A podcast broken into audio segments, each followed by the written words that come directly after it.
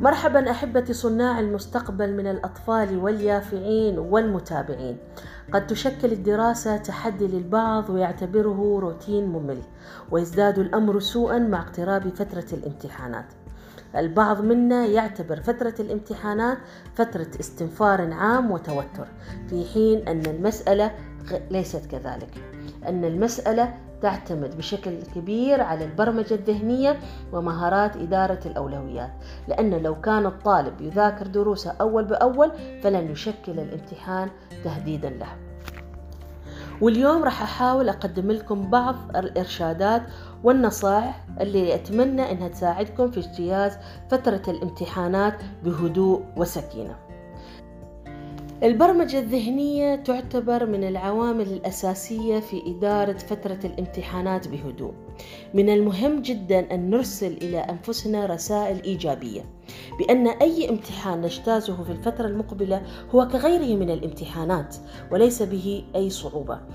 عندما أرسل إلى ذاتي رسائل إيجابية بأن الامتحان سيكون سهل وأنني بذلت ما بوسعي من أجل المذاكرة وأنني أستطيع أن أجيب على الأسئلة كلها بشكل كامل وأنني أستطيع أن أحقق الدرجة التي أتمناها. هذه نوع من الرسائل عندما أرسلها لنفسي ستساعدني في اجتياز فترة الاستعداد للامتحانات بهدوء.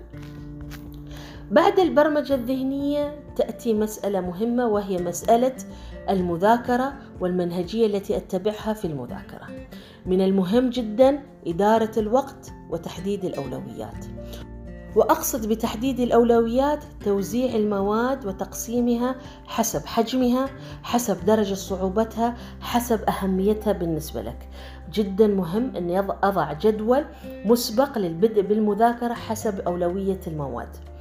مهم جدا مسألة إدارة الوقت لأن إدارة الوقت هي التي ستكفل لي في تحقيق التوازن بين المذاكرة وبين الاستمتاع بحياتي اليومية وبالتالي تخفيف من حدة التوتر.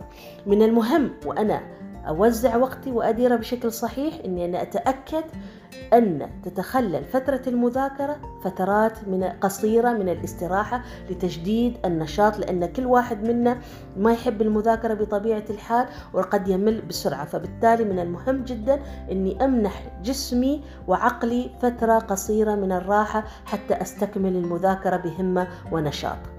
وكذلك مهم في مسألة إدارة الوقت أن أبتعد عن مضيعات الوقت أثناء المذاكرة. أن أفصل وسائل التواصل الاجتماعي أبتعد عن الأصوات المزعجة أختار مكان مناسب حتى أدير الوقت وأستغل وقت المذاكرة بشكل صحيح في التعلم والحفظ.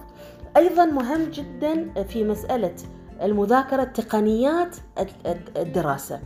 هناك أكثر من طريقة ممكن تساعدكم في المذاكرة. واحدة منها استخدام أسلوب الخرائط الذهنية اللي من خلالها نقوم بتلخيص وتجزئة المعلومات وتبسيطها بشكل سهل يساعدنا إن نحن نحفظها. وأيضا مسألة التسميع من خلال القراءة والمراجعة بصوت عالي لأن المراجعة بصوت صامت قد يؤدي إلى نوع من الكسل والخمول وقد يتسبب لنا بالنعاس. القراءة والمراجعة بصوت عالي وكأننا ندرس شخص آخر أو بالكتابة راح يساعدنا في ترسيخ المعلومات في الذاكرة. من المهم جدا إدارة الوقت إذن وأيضا تطبيق البرمجة الذهنية. لأن النجاح ما يأتي بسهولة والنجاح يحتاج إلى إرادة قوية ويحتاج إلى تبني عادات وسلوكيات إيجابية. أمامكم الوقت الكافي للاستعداد للامتحانات المقبلة. أتمنى لكم كل التوفيق وإلى أن ألتقي معكم في موضوع آخر. دمتم بود وحب مغلف بطاعة الرحمن.